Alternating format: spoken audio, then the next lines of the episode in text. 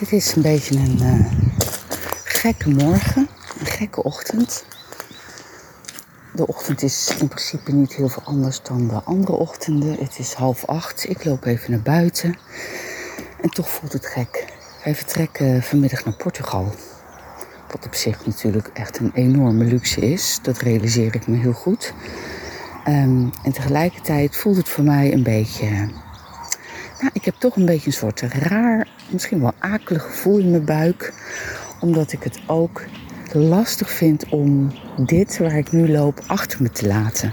En ik weet dat ik weer terugkom. En ik weet dat het hier allemaal prima gaat. Maar ik ben heel erg verknocht aan mijn plekje, merk ik nu ook. Nu ik hier zo loop en hier zo sta, denk ik, jeetje, oh kijk, de paardenbloemen zijn allemaal in pluizenbollen aan het veranderen. Stel je voor dat dat nou ineens um, allemaal pluizenbollen zijn en dat zal zijn uitgewaaid als ik terugkom. Geen man overboord, helemaal niks aan de hand.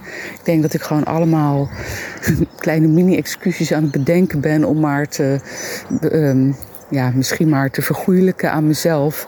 Dat ik, het, dat ik het moeilijk vind om dit achter me te laten. Omdat ik um, misschien, misschien al een beetje uh, heimwee heb nog voordat ik vertrokken ben. En nou past heimwee hebben helemaal niet bij mij.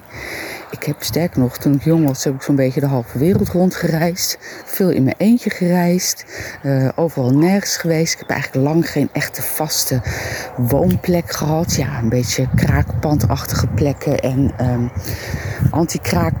Um, plekken, um, van plek naar plek verhuisd, studentenhuizen.